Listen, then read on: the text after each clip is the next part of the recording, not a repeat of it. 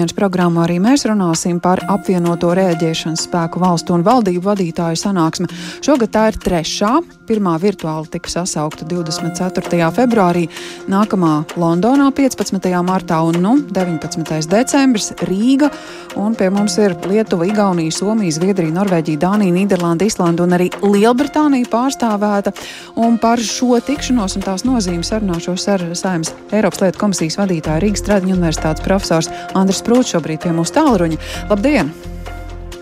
Labdien! Jā, nu tā pirmajā mirklī skatoties, gandrīz vai NATO sanāksme, un ja jau par ātro rēģēšanu, tad tā varētu arī domāt, bet nu, vēl viens jautājums, kas nāk prātā, kāpēc šī sanāksme notiek Rīgā, vai pietiek ar Krišāņa Kariņu uzaicinājumu?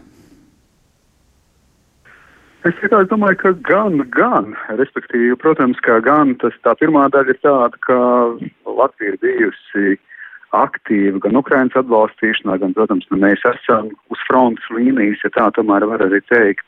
Un skaidrs, ka nu, iepriekšējā sanāksme bija Lielbritānijā, tad šai sanāksmē bija jānotiek šeit reģionā. Un reģionā, protams, arī valstī, nu, kurām vai valstīs, kurās noteikti ir varbūt šie drošības izaicinājumi arī, nu, teiksim tā, dienas kārtībā, un kas ir vienlaikus spēlē pozitīvu un konstruktīvu lomu, un te savukārt nāk, es domāju, ka arī Kariņa kunga personība, ka, protams, kad esot amatā jau četrus gadus, kontakti ir labi iedibināti, jau ir konkrēti sarunas bijušas iepriekš, tā ka es domāju, ka šeit arī nav nekā nezinām tādā personīgi politiskā līmenī, un tas nepavisam nav mazsvarīgi. Bet, nu, par datumu runājot, tam arī ir kāda nozīme, redzot, ka nu, tādu lielu pavērsienu Ukrainas uh, situācijā šobrīd nav.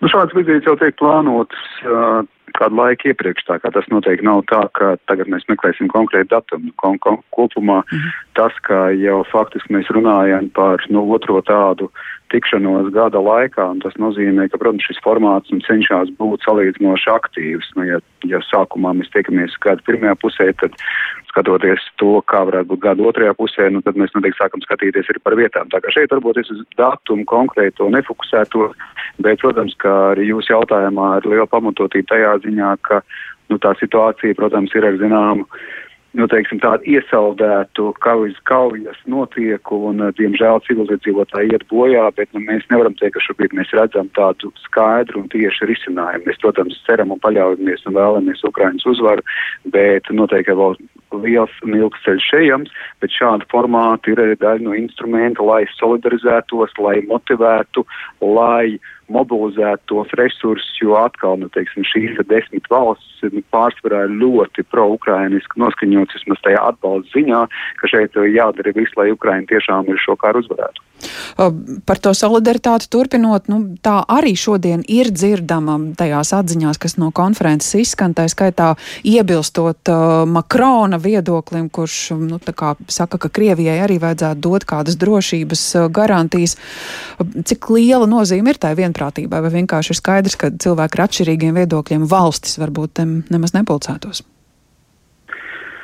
Tas nav pārsteidzoši, protams, ka šādas reakcijas ir. Jau tieši tā, no atkal atgriežamies pie tā iepriekšējā, ka šīs valsts ir tādas ļoti aktīvas, solidarizējušas un kritiskas attiecībā uz Krieviju, un kopumā šīs te balss nav nepavisam mazsvarīgas, jo mums ir jāuztur Eiropā nu, šis vēstījums par to, ka mēs nevaram kaut kādā veidā piekāpties Krievijai un ka piekāpšanās Krievijai faktiski tikai aicina uz tālākām agresijām.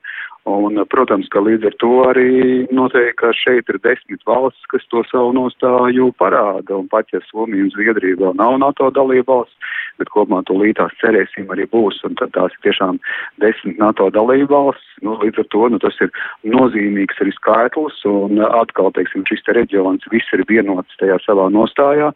Šeit ir arī Lielbritānija, kas, protams, tomēr ir ekonomiskais, politiskais, militārais smagsvars. Tā kā es teiktu, tā, nu tā ir nozīmīga balss, bet jā, jūsu jautājumā ir atkal pamatotība tajā ziņā, ka nenoliedzam, ka pat šī nepieciešamība pasvītrot šo solidarizēšanos, pasvītrot šo atbalstu, pasvītrot to, ka mēs Krievijai piekāpties nedrīkstam. Tas nozīmē to, ka tāds balsts ir nepieciešams, ka ir arī citi viedokļi, ir cits nostājas, kas, nu, tomēr kaut kur jau sāk skatīties uz kaut kādu tālāku nākotni, ka iespējams kaut kāda mēģinājuma no Krievijas sarunāties, tā kā būtu nepieciešama. Līdz ar to noteikti, ka šeit, nu, šī mūsu pozīcija ir jāuztur, un tas formāts tieši arī šajā ziņā politiski diplomātiski ir svarīgs, un tāpēc atkal var jau teikt, ka šeit tieši šim datumam ir nozīme, ka gada beigās mēs vēlreiz sakam, ziniet, gads sākās ar Krievijas agresiju, un joprojām mēs šeit neredzam teiksim, tieši risinājumu, un skaidrs, ka mums jādara visu, lai Ukrainai mēs palīdzētu. Tad tas galvenais secinājums šoreiz mazāk domājot par pašu drošību, bet vairāk orientējoties uz Ukrainu, vai tomēr gan, gan, tā, ja gribam galveno secinājumu šajā sanāksmē ieraudzīt? Absolūti, es domāju, ka gan, gan nav skaidrs, ka šobrīd Ukraina cīnās par savu brīvību, neatkarību, un vienlaiks viņi cīnās arī par mūsu un visas Eiropas brīvību, un tomēr par to, lai šie karš, karš izbeigtos. Nu, viņi ar saviem upuriem faktiski nes šo, šo, šo Krievijas agresiju saviem, saviem pleciem, un skaidrs, ka šeit atbalsts Ukrainai ir ļoti nepieciešams. Tā kā atbalstot Ukrainu, mēs netiešā veidā atbalstam arī paši sevi. Bet otrs, protams, ka mums kā NATO dalībvalstīm vai Eiropas Savienības dalībvalstīm, nu, mums ir arī jāapmeklē instrumenti iekš šiem te formātiem. Un skaidrs, ka tajā ziņā arī šie papildus reģionālie formāti nedrīkst aizstāt kopīgo NATO un Eiropas Savienības solidaritāti. Mums ir jābūt uzmanīgiem, bet vienlaiks, jebkāda konflikta vai krīzes gadījumā, tā atbilde vispirms jau būs lokāla un reģionāla. Protams, pēc tam jau piesaistot arī plašāks alianses spēks un resursus. Līdz ar to atkal, teiksim, šī te reģionālā sadarbība un gatavība arī, teiksim, atrast savietojamību un gatavi arī kopīgi reaģēt, skaidrs, ka tas būs tas, kas varbūt viens no pirmiem instrumentiem, kas var tikt iedarbināts eh, jebkādā krīzes situācijā. Tā kā absolūti arī gan attiecībā uz mums pašiem. Mm -hmm. Nu jā, turklāt šodien vēl arī tika runāts ne tikai par militāro drošību, par enerģētisko drošību, par ekonomiku, kas arī visā šajā ainā tiek iekļaut. Paldies par šo komentāru Saimnes Eiropas lietu komisijas vadītājiem Rīgas Tradiņu universitātes profesoram Andrim Sprūdam un sarunāšos arī ar politologu Kārli Daugstu. Sveicināti! Labdien! Jā, nu, Rīgas sanāksme droši vien rūpīgi plānojot datumu, bet uh, tā otra tikšanās, par kur šodien informācija izskanēja, ka um, Vladimirs Putins dodas pie sava kolēģa Lukašenko uz Baltkrieviju, tā varētu būt tāda netīša sagadīšanās. Es domāju, ka tur uh, kaut kādas korelācijas starp šiem diviem notikumiem lielas nav jo, manuprāt, ka tur starp Lukašenko un Puķinu notiek kaut kāda ķīmija, kura pat labam tiešām ir izsaukusi daudzas spekulācijas, daudzus pieņēmumus un arī daudzas bažas, es pat teiktu tā. Un tāpēc, manuprāt, ka, teiksim, Rīgas sanāksme un NATO un šīs reģionālās organizācijas darbība taisni viņa tiek skatīta šī kontekstā. Un uh, šis konteksts ir ļoti skaidrs, kur un kādā veidā tālāk attīstīsies viss šis konflikts starp Krieviju un Ukrainu, un kā tas ietekmēs arī Baltkrieviju, kura pat labam kļūst par tādu kā strateģisku, uh, nu teiksim, nākotnes atrisina, nākot, nākotnes risināšanas iespējas par, eh, starp Ukrainu un Krieviju. Un Krievijai iekšēji jādod signāls, Puķins grib to dot kā signālu, ka lūk, viņam ir viens no milzīgākajiem iegūmiem savai auditorijai. Tas ir Baltkrievijas teritorijā kas eh, jau ir tikusi izmantota kara darbības pašos sākuma brīžos, bet nu, šobrīd šī tikšanās, jūsuprāt, kā tā varētu mainīt kara gaitu? Jūs sacījāt, ka ir vairāki minējumi izskanējuši par to, kā tas varētu pēc šīs dienas. Vienāk ir vairāk, jā, es sapratu jūsu jautājumu, viņš ir pareizs. Ir vairākie viedokļi, un šie viedokļi nav savā starpā nec konfrontējoši, nec arī kaut kādā veidā.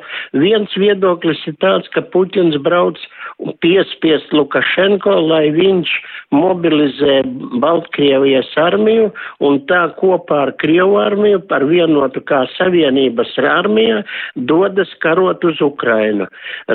Otra situācija un otrs viedoklis ir tāds, ka tas nav nekas, ka šeit tiks tikai demonstrēts tāds īpatnējs uh, PR gājiens par labu Lukašenko, ka lūk pie viņa brauc uh, šis uh, Puķins, jo parasti brauca pats Lukašenko, ka tas ir tikai tāda diplomātiska spēle. Tas ir vēl viens tāds gājiens. Un trešais ir konspiroloģisks, es teiktu, viedoklis. Viņš ir ļoti bīstams un tai pašā laikā pilnīgi viņu izslēgt nevar. Ka Puķins brauc tomēr, lai Lukašenko tātad pamēģinātu parādīt kaut kādu provokatīvu darbību uz robežas ar Eiropas Savienību. Un ka šeit pēc tam, lūk, it kā aizstāvot Savienības teritoriju, varētu jau Krievija daudz spēcīgāk piedalīties, nu, teiksim, ja ne okupācijā Baltkrievijas, tad vismaz lielāku masu karaspēka masu ieviešanai Baltkrievijā kur Ukrainas jautājums paliktu tā kā otrajā plānā. Nu, tas ir tiešām konspiroloģiska teorija un, un arī viedoklis. Bet manuprāt, ka šeit uh, NATO valstīm ir jābūt ļoti uzmanībam, jo pat labam visi tanki un viss bruņu karaspēks Baltkrievijas armijai ir koncentrēts rietumos, nevis pie Ukrainas robežām. Jā, nu, gaidīsim, cik daudz no šīs tikšanās kādus vēstījumus varēsim izdzirdēt, ņemot vērā jā, Baltkrieviju un Krieviju un, un viņu strateģiskos plānus turpmākajos mēnešos. Paldies par šo komentāru, saku patologām Kārlim Daugštam.